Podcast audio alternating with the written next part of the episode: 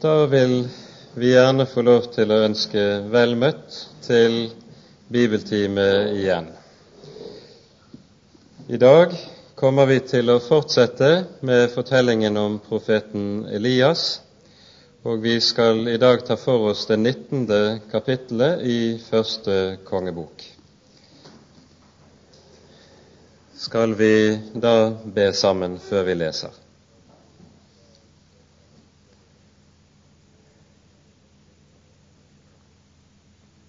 Kjære du vår Herre, du vår trofaste Gud og Far.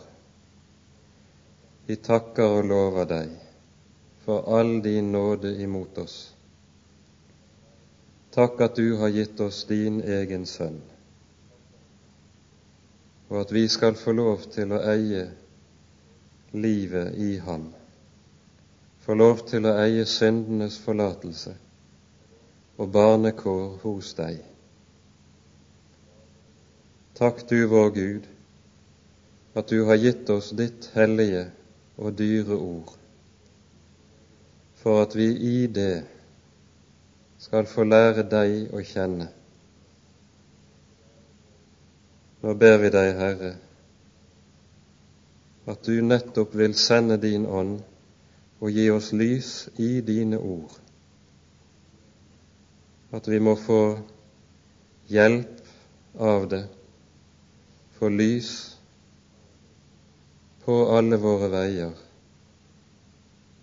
og få trøst til evig liv.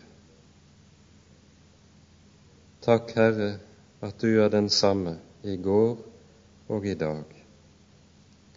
Og takk, gode Herre, at du lar din kraft fullendes i vår skrøpelighet.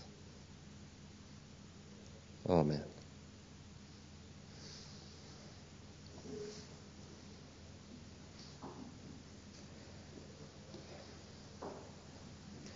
Sist gang begynte vi altså på beretningen om profeten Elia, eller Elias, som han heter i de gamle bibeloversettelser.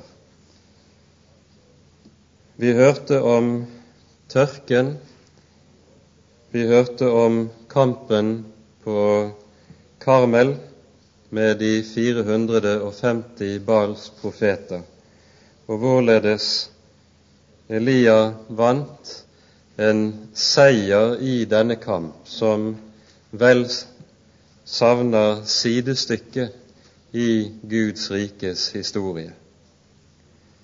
Elias Gud kommer og liksom demonstrerer for hele folket både hvem han er, og at Elias er hans tjener og utsending.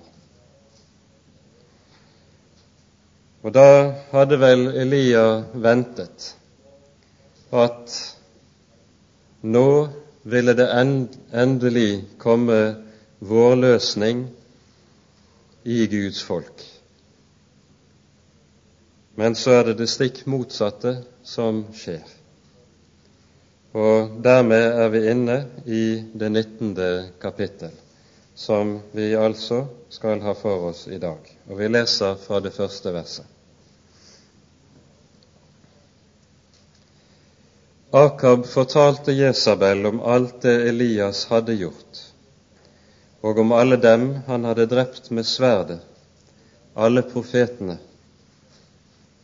Da sendte Jesabel bud til Elias og lot si:" Gudene la det gå meg ille, både nu og siden, om jeg ikke i morgen på denne tid gjør med ditt liv som det er gjort med deres. Da han hørte det, gjorde han seg rede og dro bort for å berge livet. Og han kom til Bersheva, som hører til Juda. Der lot han sin dreng bli tilbake, og selv gikk han en dagsreise ut i ørkenen. Der satte han seg under en gyvelbusk og han ønsket seg døden og sa:" Det er nok. Ta nå mitt liv, Herre, for jeg er ikke bedre enn mine fedre. Så la han seg ned og sov inn under gyvelbusken. Da rørte en engel ved ham og sa til ham, Stå opp og et.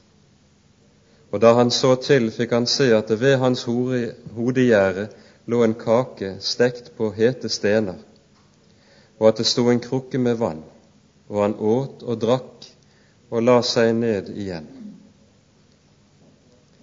Men Herrens engel kom igjen annen gang og rørte ved ham og sa, Stå opp og et, ellers blir veien deg for lang. Da sto han opp og åt og drakk, og styrket ved denne mat gikk han 40 dager og 40 netter, til han kom til Guds berg, til Horeb. Der gikk han inn i hulen og ble der om natten. Da kom Herrens ord til ham. Han sa til ham, Hva vil du her, Elias? Og han svarte, Jeg har vært nidkjær for Herren, herskarenes Gud. For Israels barn har forlatt din pakt. Dine alter har de revet ned, og dine profeter har de drept med sverdet og jeg er alene tilbake, og de står meg etter livet. Og Herren sa, Gå ut og stå på fjellet for Herrens åsyn. Da gikk Herren forbi der, og det kom en stor og sterk storm, som sønderrev fjell og knuste klipper foran Herren. Men Herren var ikke i stormen. Etter stormen kom et jordskjelv, men Herren var ikke i jordskjelvet. Og etter jordskjelvet kom en ild, men Herren var ikke i ilden. Og etter ilden kom lyden av en stille susen. Og da Elias hørte det, dekket han sitt ansikt til med sin kappe og gikk ut og sto ved inngangen til hulen. Da kom der en røst til ham og sa, Hva vil du her, Elias? Og han svarte, Jeg har vært nidkjær for Herren, herskarenes Gud. For Israels barn har forlatt din pakt. Dine alter har de revet ned, dine profeter har de drept med sverdet. Jeg er alene tilbake og de står meg etter livet. Da sa Herren til ham, Gå tilbake igjen og ta veien til ørkenen ved Damaskus, og gå inn i byen og salv Hasael til konge over Syria. Og Jehu, Nimsis sønn, skal du salve til konge over Israel. Og Elisa, Safats sønn, fra Abel med Hola, skal du salve til profet i ditt sted. Og det skal gå så at den som slipper unna Hasaels sverd, skal Jehu drepe, og den som slipper unna Jehus sverd, skal Elisa drepe. Men jeg vil la 7000 bli tilbake i Israel, alle som ikke har bøyet kne for Baal, og alle som ikke har kysset ham med sin munn. Da han nå gikk derfra, møtte han Elisa, Safats sønn, som holdt på å pløye. Tolv par okser gikk foran ham, og selv var han ved det tolvte paret. Og Elias gikk bort til ham og kastet sin kappe over ham. Da forlot han oksene og sprang etter Elias og sa, La meg først få kysse min far og min mor, så vil jeg følge deg. Han svarte, Vel, gå hjem, for hva har vel jeg gjort med deg? Så forlot han ham og gikk hjem. Han tok de to okser og slaktet dem, og med oksene, oksenes åk kokte han kjøttet og ga det til folket der, og de åt. Så gjorde han seg rede, og fulgte Elias og tjente ham.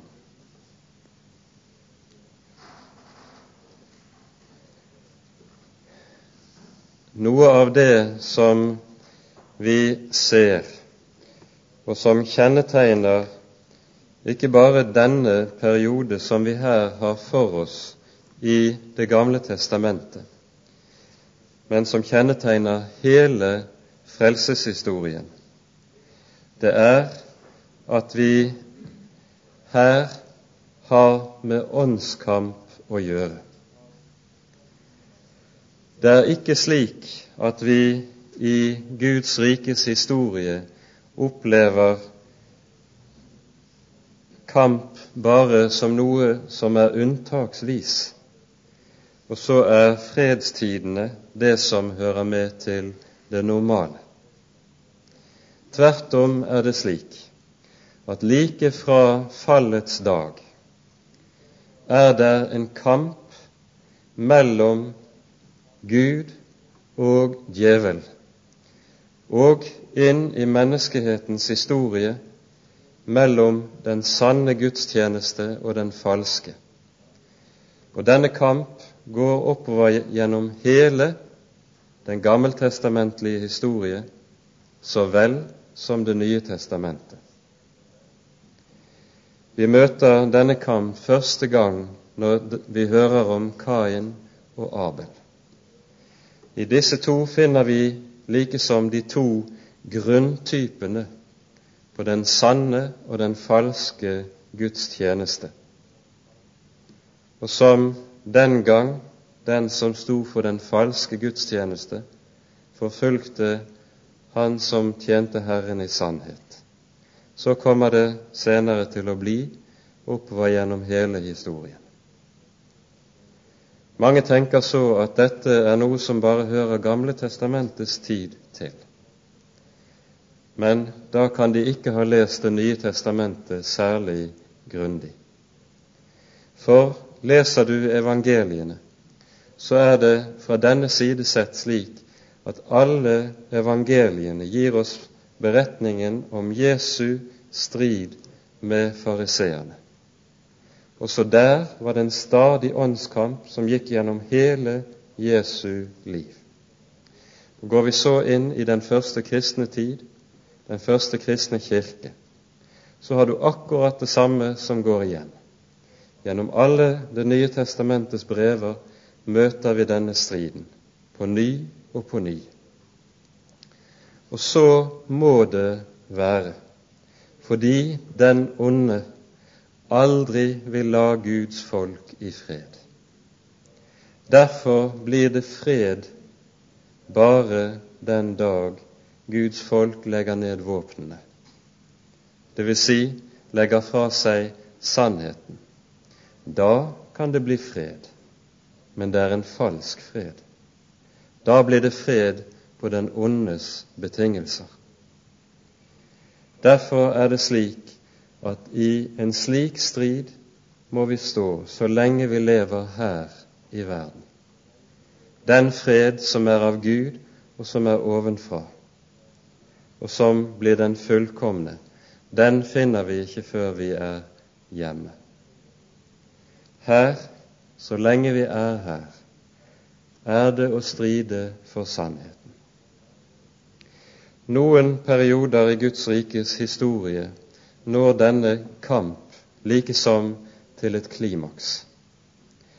Slik var det nettopp på Elias' tid, der det som utspinner seg på Karmelsberg, som vi hører om i første kongeboks 18. kapittel, er noe av et høydepunkt i hele Det gamle testamentets historie.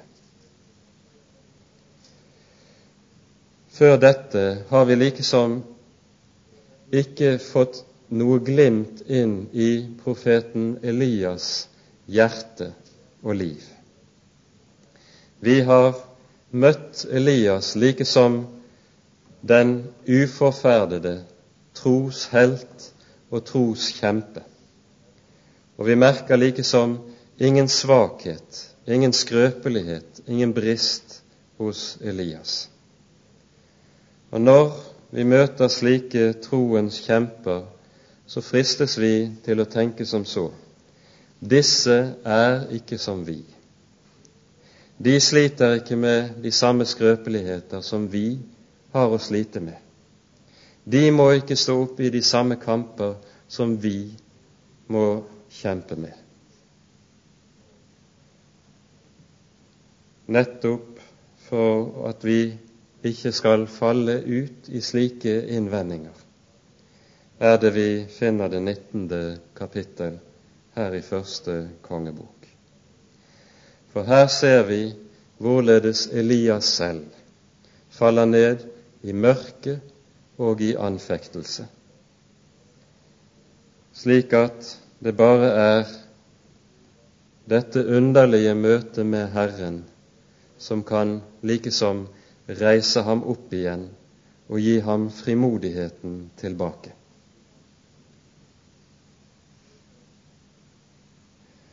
Det som var skjedd på Karmel, det hadde ganske sikkert gitt Elias forhåpninger om at nå, nå var denne fryktelige kampens tid, som han hadde hatt i Israel, med Israels konge, med Bals profeter, der han hadde stått alene. Nå måtte det, denne kampens tid endelig være slutt. Nå var likesom gjennombruddet der. For vi skal huske at det som skjedde på Karmel, var jo ikke bare noe som skjedde i en avkrok, som en liten privat hendelse, men det var en nasjonal begivenhet der både kongen personlig var til stede, og Balsprofetene som representanter for det som Akab hadde gjort til den nye nasjonal religion, var til stede. Og Slik var dette i høy grad altså en nasjonal begivenhet, der det skulle avgjøres hvem er dette folks Gud? Hvem er Israels Herre og Gud? Hvem skal også være Akabs Gud? Og Så gikk Elias seirende ut av dette. Og dermed kommer regnet strømmende ned over landet etter de tre års tørke. Og med regnet venter Elias også en ny vår en vårløsning åndelig talt i folket. Men så er det det motsatte som skjer. Mens Akab drar tilbake til sin dronning, til sitt hoff, bier Elias utenfor byen og venter på nærmere beskjed om hvorledes dette vil forløpe. Og samme aften får han klar beskjed fra dronning Jesabel. Gudene la det gå meg ille, både nu og siden, om jeg ikke i morgen på denne tid gjør med ditt liv som det ble gjort med deres. Og dermed ser det ut til at alt likesom rakner for Elias. I stedet for gjennombrudd møter han bare dobbelt forherdelse i stedet for å se at endelig skal Herren nå frem, så lukkes dørene dobbelt. Og så hører vi da han hørte det, gjorde han seg rede og dro bort for å berge livet. I grunnteksten står det han gikk dit hans føtter ledet ham. Et uttrykk som beskriver at han visste egentlig ikke hvor han nå skulle gjøre av seg. Han gikk, seg, gikk ut på vandring like som på måfå, i fortvilelse og i mørke. Han går over grensen til Juda i syd, går gjennom hele Judas område til Judas sydgrense og kommer til Bersheva, der han etterlater sin følgesvenn. Og så fortsetter han ut i ørkenen og legger seg under gyvelbusken, som vi hører om. han ønsket seg døden og sa. Og dette er Elias' bønn nå. Det er nok. Ta nå mitt liv, Herre, for jeg er ikke bedre enn mine fedre.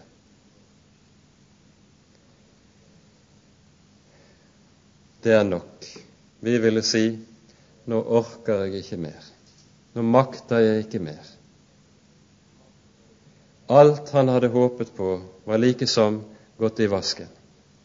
Alt han hadde kjempet for og bedt for i de årene som lå bak, med kamp og med strid. Det var gått stikk motsatt av hva han hadde håpet og forventet, og hva han også visselig trodde var Guds vilje. Ta mitt liv, Herre. Jeg er ikke bedre enn mine fedre. Han ser tilbake på hvorledes det var godt med fedrene. Ingen av dem hadde på gjennomgripende måte klart å vende folkets hjerte tilbake til Herren. Så heller ikke han. Han hadde håpet noe annet etter Karmel. Og så er det den dype, dype motløshet som gjør seg gjeldende. Skuffelsen over at forventningene ikke slår til. Over at det ser ut til at alt han har kjempet for, alle disse års kamp, det har vært forgjeves, det hele. Det kan være godt å minne om her kanskje noen ord hos Jesaja i det 49. kapittel, der vi hører om Messias som skal komme, hvorledes han likesom taler på samme måte.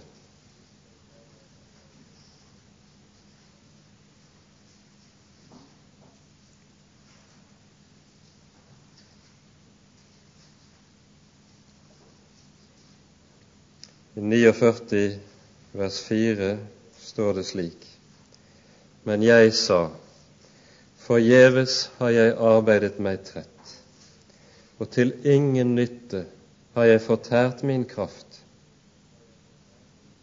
Men min rett er allikevel hos Herren, og min lønn hos min Gud.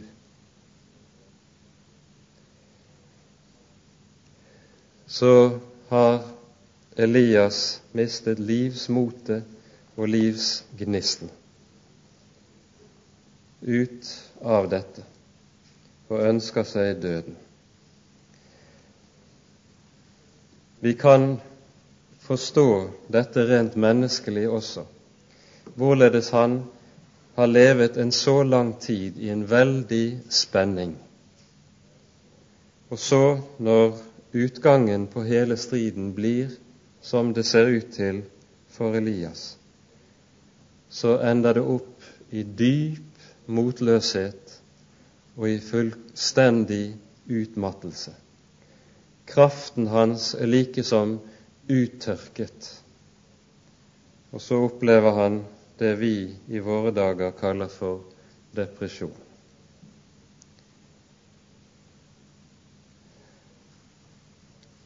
Hvorfor lar ikke Herren det bli frukt av min gjerning.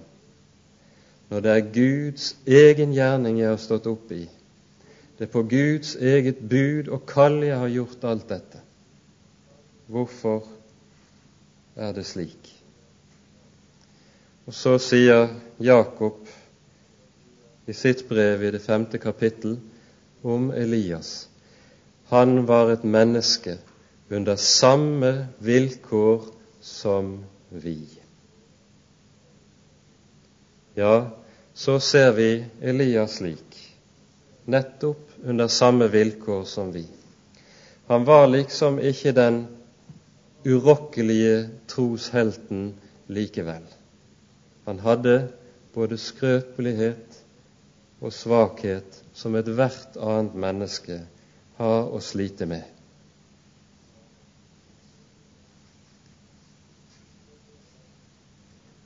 Og så blir det altså slik at om Elias har stått oppe i en veldig åndskamp, så skjønner vi at også nå er det han selv som må inn i kamp for sin egen del. Nærkamp med sin Gud, så å si. Og noe av det som er aller tyngst, og har vært aller tyngst for ham, det er jo nettopp ensomheten. At han har stått så alene i denne strid som han har stått. Ikke hjelp, ikke trøst, ikke støtte fra noe menneske, i hvert fall på ett eller to unntak nær. Jesabel ser ut til å vinne også denne gang. Og Dette er et underlig trekk ved det vi leser i vår bibel når vi hører om troens menn. På ny og på ny hører vi om dem, like som når de har vært på høydepunktet av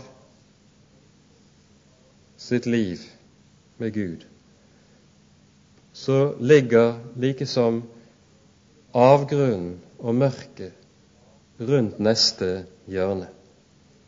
Det er ikke slik som vi ofte tenker oss, at de har en herlig og vidunderlig opplevelse, og da, da er alt i orden. Da blir alt stående der. Men i stedet er det like som så at på det store under så følger fall ned i dypt mørke. Tenk på Peter etter hans store bekjennelse til Jesus. Du er Messias, den levende Guds sønn. Og Jesus svarer Peter, Salig er du, Peter, Jonas' sønn. Dette har ikke kjøtt og blod åpenbaret deg. Du er Peter, og på denne klippet skal jeg bygge min kirke. Og så etterpå, noen øyeblikk senere, når Jesus har begynt å undervise om korset, og Peter vil irettesette sin mester, så sier Jesus til ham, Vik bak meg, Satan fra den største høyde til den dypeste anklage. Det samme med apostelen Paulus. Vi hører om han forteller i 2. Korinterbrevs 12. kapittel hvor av kraft de aller høyeste åpenbaringer og blir rykket inn i den tredje himmel, forteller han om. Og hva skjer etterpå? For at jeg ikke skal opphøye meg på grunn av de høye åpenbarelser, er det gitt meg en torn i kjødet, en Satans engel, som skal slå meg, for at jeg ikke skal opphøye meg. Om denne ba jeg Herren tre ganger at den måtte blitt fra, tatt fra meg.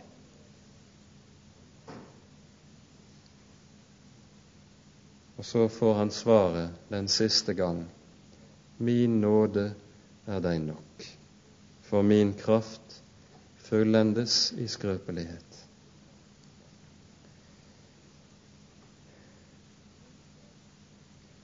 Nå skal like som Elias igjennom det samme.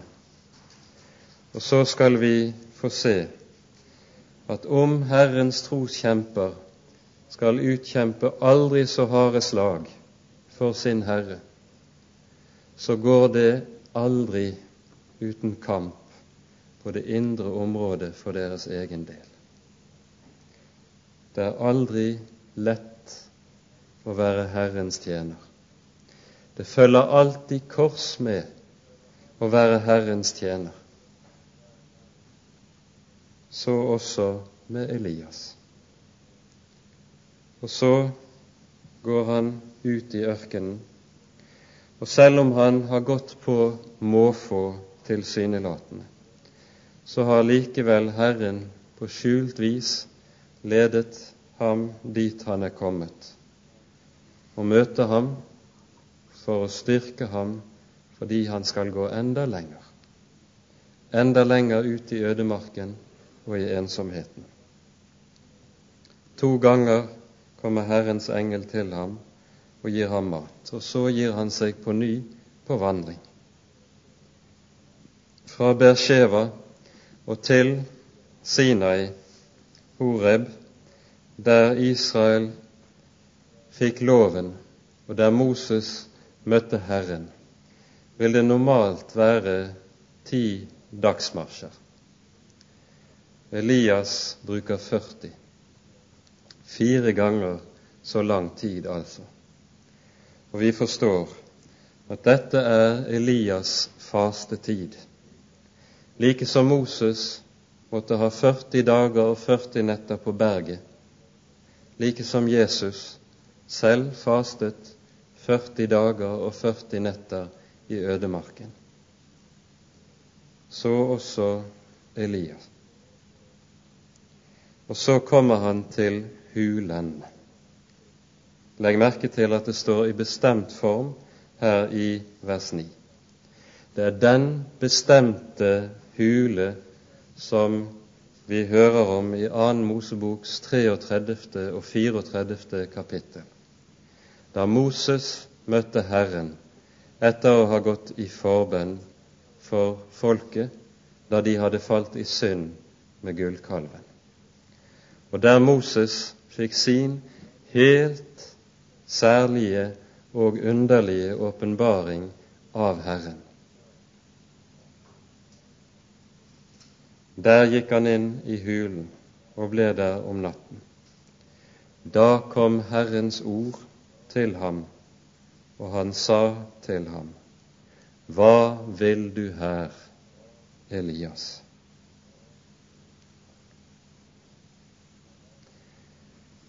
Når Herren slik kommer med spørsmål til sine, så er det aldri fordi han ikke vet hva som rører seg i deres hjerte Men det er for at de selv skal bli på det rene, for, de, for like som å dra frem i lyset fra den forvirring og det mørke som ligger dypt i hjertet hos dem dra frem i lyset hva det egentlig dreier seg om.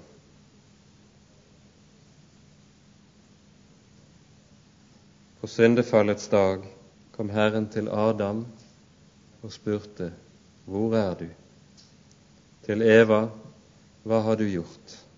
Det var jo ikke fordi Herren ikke visste det, men for at det skulle bekjennes at de med egne leber skulle si og bringe frem i lyset hva som lå bak dem, hva som lå i deres hjerter. Slik bringer Herren frem i lyset med sine spørsmål det som er skjult. Og Elias svarer, Jeg har vært nidkjær for Herren, herskarenes Gud for Israels barn har forlatt din pakt. Dine alter har de revet ned. Dine profeter har de drept med sverdet. Og jeg er alene tilbake, og de står meg etter livet. Forgjeves, forgjeves har alt mitt liv vært, er det like som det lyder fra Elias munn. Og så kommer Guds svar til Elias. Og det er et underlig svar. For Herren svarer først i handling og så i ord. Og disse to ting utfyller og belyser hverandre gjensidig hva som ligger i det. Herren sa, gå ut og stå på fjellet for Herrens åsyn. Da gikk Herren forbi der. Det kom en sterk storm som sønderrev fjell og knuste klipper foran Herren. Men Herren var ikke i stormen. Etter stormen kom der et jordskjelv, men Herren var ikke i jordskjelvet. Etter jordskjelvet kom der en ild, men Herren var ikke i ilden. men etter ilden kom lyden av en stille susen. Og da forstår Elia da er Herren der. Hva er det som ligger i dette? I dette ligger likesom i en sum samlet både Elias liv og Elias kall samtidig som der også ligger hele Guds måte å arbeide på og åpenbare seg på når han har en gjerning han vil ha gjort. For det er slik, det har vi vært inne på mange ganger, at Gud alltid har to gjerninger han gjør samtidig, og de to kan ikke være uten hverandre. Herren døder og gjør levende, fører ned i dødsriket og opp derifra. Herren fornedrer og opphøyer, gjør fattig og gjør rik, leser vi Hannas lovsang i 1. Samuels bok 2. Slik er det at når vår Gud arbeider for å gjøre gi sitt liv, føre sitt liv inn imellom oss, inn i våre hjerter, så kan det aldri skje uten at han også først får lov til å døde, drepe, korsfeste og rive ned det som vårt er. For får han ikke gjøre det først, så får han aldri på sann måte gjort levende heller. Derfor går de to ting alltid sammen. Herren døder og gjør levende. Teologisk uttrykkes dette gjennom ordparet eller begrepsparet lov og evangelium. De to må alltid gå sammen. Evangeliet blir virkningsløst uten loven. Det får aldri gjort levende å virke det Gud vil, nemlig virke frelse, dersom ikke loven først får lov til å være der og gjøre sin gjerning. Men så er det samtidig slik at loven likesom er den som går foran. Og så kommer evangeliet med sin sakte susen etter. Loven når den kommer, Herren når Han kommer i sin dødende, sin drepende gjerning, da kan det synes som det både stormer og er jordskjelv og er ild, slik at alt fortæres av ilden, alt rystes i stykker av jordskjelvet, alt blåses bort av en stormvind, så det ikke er noen ting igjen som holder, men alt blir støv og ramler. Slik er det med loven, og slik skal det være med loven. Men Herren var ikke i stormen, var ikke i jordskjelvet, var ikke i ilden. Det er det som går foran ham. det er det som går foran ham for å berede vei for ham, sånn at han kan få komme til med den gjerning han egentlig vil, å gjøre levende, reise opp igjen, frelse. Det er hans egentlige gjerning. Og Derfor kalte også Luther, når han talte om disse ting, for dette slik at han kalte Loven og dens nedrivende og dødende gjerning, den kalte han for Guds fremmede gjerning.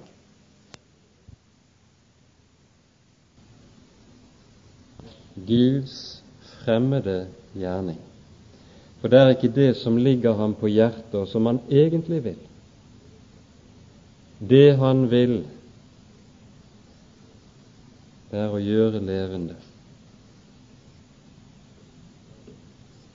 Vi har et underlig og sterkt uttrykk for dette i den femtiende salmen, der vi leser slik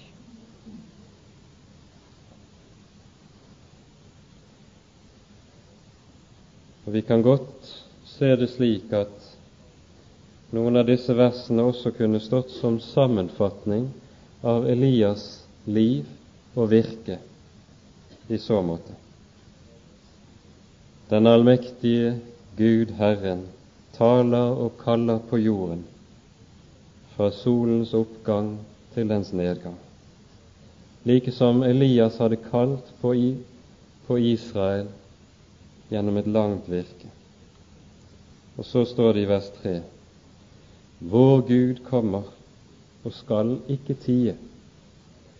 Ild fortærer for hans åsyn, og omkring ham stormer det sterkt.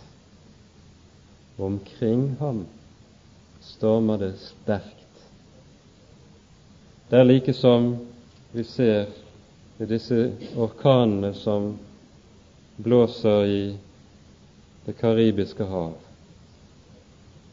Det kan storme sterkt, men i sentrum, der er det stille. I stormens øye. Herren var ikke i stormen. Og så kom lyden av en sakte susen. Da visste Elias her er Herren.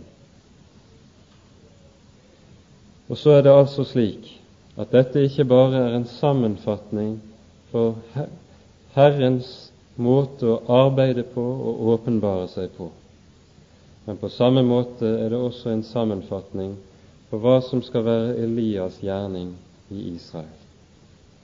Frem til denne dag så har Elias selv på mange måter vært som ild, som stormvind og som jordskjelv i folket men den sakte susen med evangeliets levendegjørende kraft skal også gjøre seg gjeldende.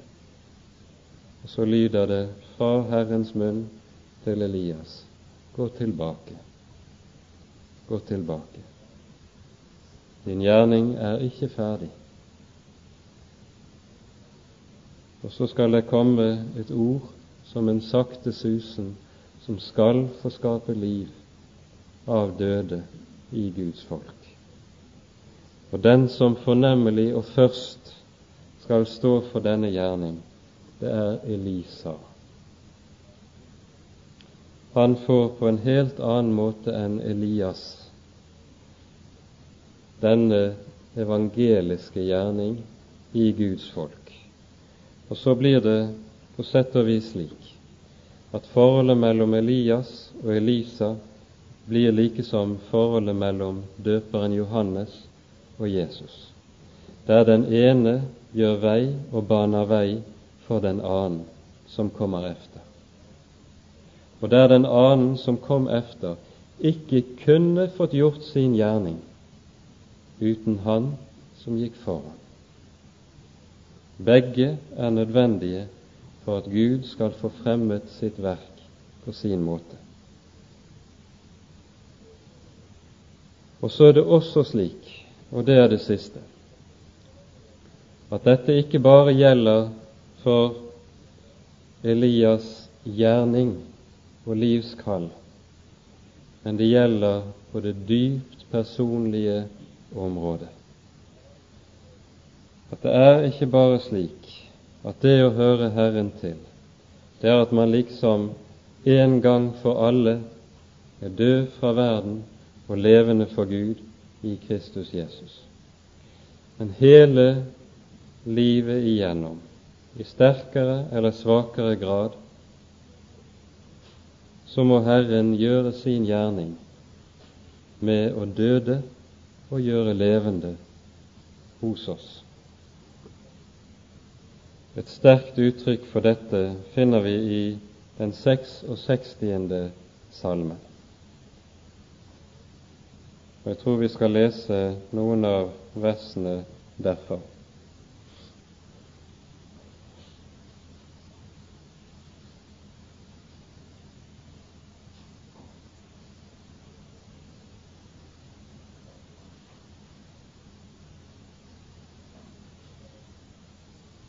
Fra vers 10 står det slik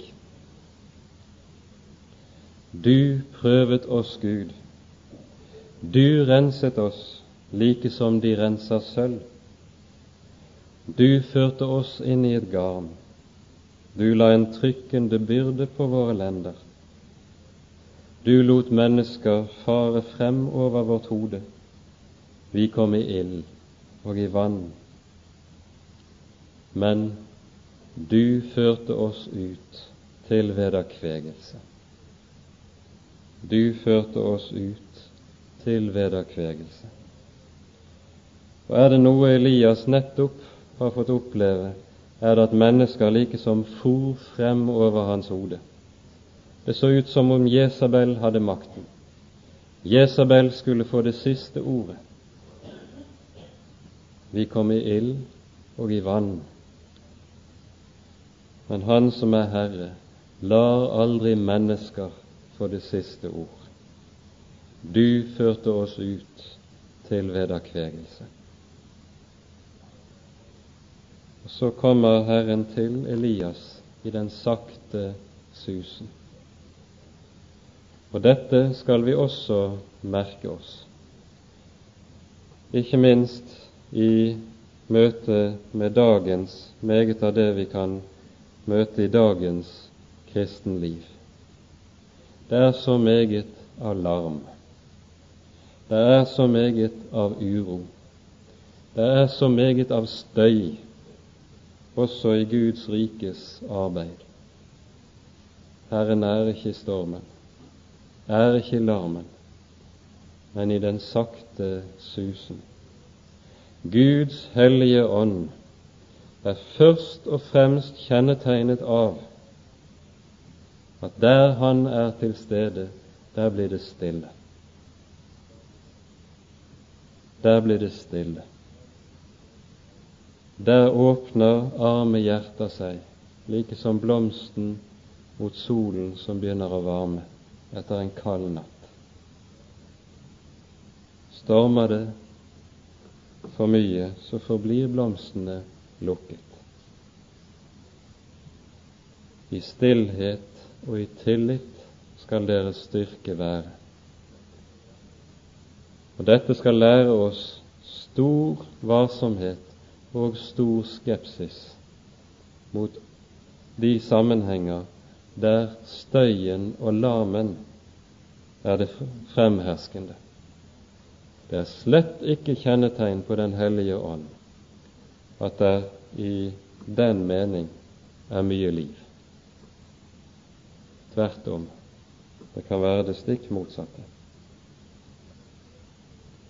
Elias hørte den stille susen. Da, da dekket han sitt ansikt til med sin kappe og gikk ut og sto ved inngangen til hulen. Her møter vi den gudsfrykt som vi finner overalt i Den hellige skrift. Frykten som alltid bever i age når den har med Herren å gjøre. Aldri opptrer like som freidig og frisk fyraktig når den har med Herren å gjøre. Da Moses sto foran tårnebusken, skjulte han også sitt ansikt og fikk høre Dra din sko av din fot, for det sted du står på, er hellig grunn. Slik er det også alltid der Herren i sannhet er til stede. Og vi skal legge merke til at det som fikk Elia til å dekke sitt ansikt til i age for sin Herre, det var ikke stormen, ikke jordskjelvet, ikke ilden, hvor fryktinngytende de enn måtte fortone seg. Men i den sakte susen, der visste han at han hadde med sin Herre å gjøre. Dette bekrefter også et ord som vi finner i Salmenes bok. I Salme 130 leser vi Hos deg er forlatelsen for at du må fryktes. Ut av dette ordet skjønner vi at det som virkelig skaper den levende og den sanne gudsfrykt, det er ikke loven med alle dens trusler og dens dommer, men det er syndenes forlatelse, evangeliet. Da Elias hørte det, dekket han sitt ansikt til med sin kappe og gikk ut og sto ved inngangen til hulen. Da kom på, på ny en røst til ham med det samme spørsmål. Hva vil du, Herre Elias? Og han gir det samme svar. Og så har Herren gitt ham svaret i åpenbarelsen. Gå tilbake igjen, ta veien til ørkenen, til Damaskus. Og så er det først to som skal kalles, Hasael og Jehu, som begge, hver på sin måte, skal bli like som storm, som jordskjelv og som ild inn i folkets liv. Og en, den siste, skal bli like som den sakte susen inn i folkets liv. Og til sist lyder ordet til Elias. Jeg vil la 7000 bli tilbake i Israel. Alle som ikke har bøyet kne for Baal, alle som ikke har kysset ham med sin munn.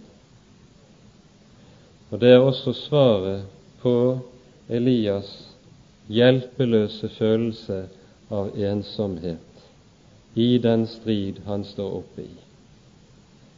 Det er ikke forgjeves, Elias. Det er 7000 som har hørt. Det er 7000 som bøyet kne for Herren og ikke for Baal. Du har ikke sett det. Du har ikke sett frukten av din gjerning, men den er der Dog det er 7000 som ikke har bøyet kne for Baal. Der er en liten rest som Herren ved sin tjener og ved sitt ord skiller ut og redder for evigheten. Og så skal vi legge merke til at denne rest som vi her møter, den kommer senere til å gå igjen gjennom hele den gamle pakts tid. For den gamle pakts tid kommer videre til å bli frafallets tid. Det er enkelte perioder der det går motsatt vei, men i hovedsak er det frafallets tid, der Guds folk dypere og dypere faller fra Herren vender ham ryggen. Men hele tiden sender Herren sine profeter til dette folk. Hele tiden lar han sitt ord lyde. Hele tiden står det der, det som lød til Esekiel da han ble kalt.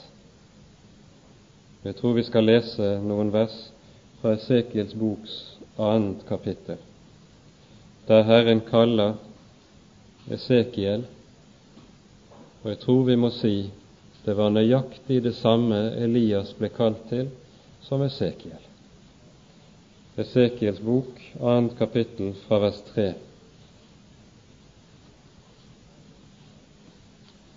Herren sa til meg, menneskesønn, jeg sender deg til Israels barn, til hedninger opprørerne som har gjort opprør mot meg. De og deres fedre har vært troløse mot meg helt til den dag i dag. Og til barna med de frekke ansikter og hårde hjerter sender jeg deg, og du skal si til dem, så sier Herren, Israels Gud. Og enten de hører eller lar det være, for en gjenstridig ett er de, så skal de vite at en profet har vært midt iblant dem.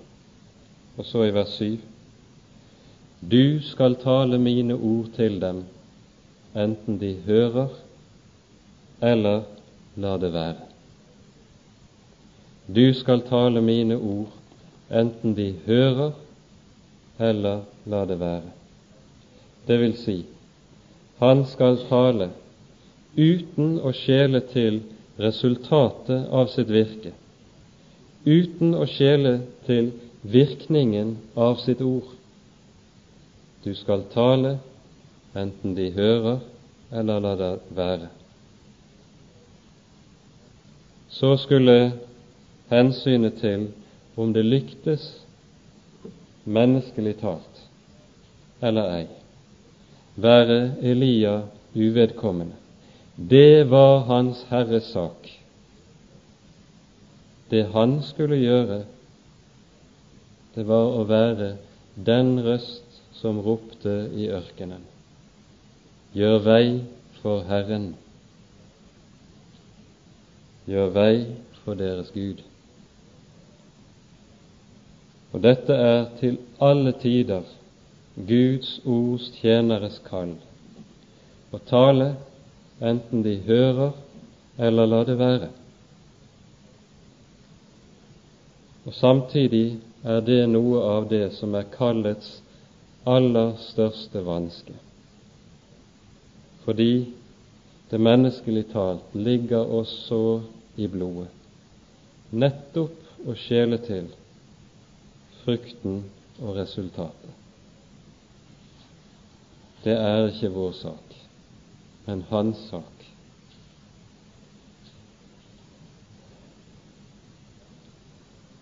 Det Herrens tjenere skal få lov til å gjøre, det er å gå med Guds ord og på Guds løfte. Et løfte der det lyder han som begynte en god gjerning i dere, han skal fullføre den inntil Jesu Kristi dag. Noe av det samme lyder også i Salmenes bok. Jeg påkaller Herren, den Gud som fullfører sin gjerning for meg. Så får mennesker gjøre hva de vil så får mennesker tenke hva de vil. Så får mennesker reise seg som Jesabel, i motstand og i hat, for å knuse det som er av Gud. Men på ny og på ny skal Guds tjenere og Guds folk da minne hverandre om ordene i Salme 2. Hvorfor larmer hedningene og grunner folkene på det som fåfengt er. Jordens konger reiser seg, og fyrstene rådslår sammen mot Herren og mot Hans salvede. La oss sprenge deres bånd og kaste deres rep av oss. Det er som å høre Jesabel. Og så kommer svaret. Han som troner i himmelen, ler. Herren spotter dem. Så taler han til dem i sin vrede, og i sin harme forferder han dem. Jeg har dog innsatt min konge på mitt hellige berg, og han skal aldri avsettes. Han skal aldri fratas makten. Han skal fullføre sin gjerning, om det her i tiden ser aldri så mørkt ut. Amen.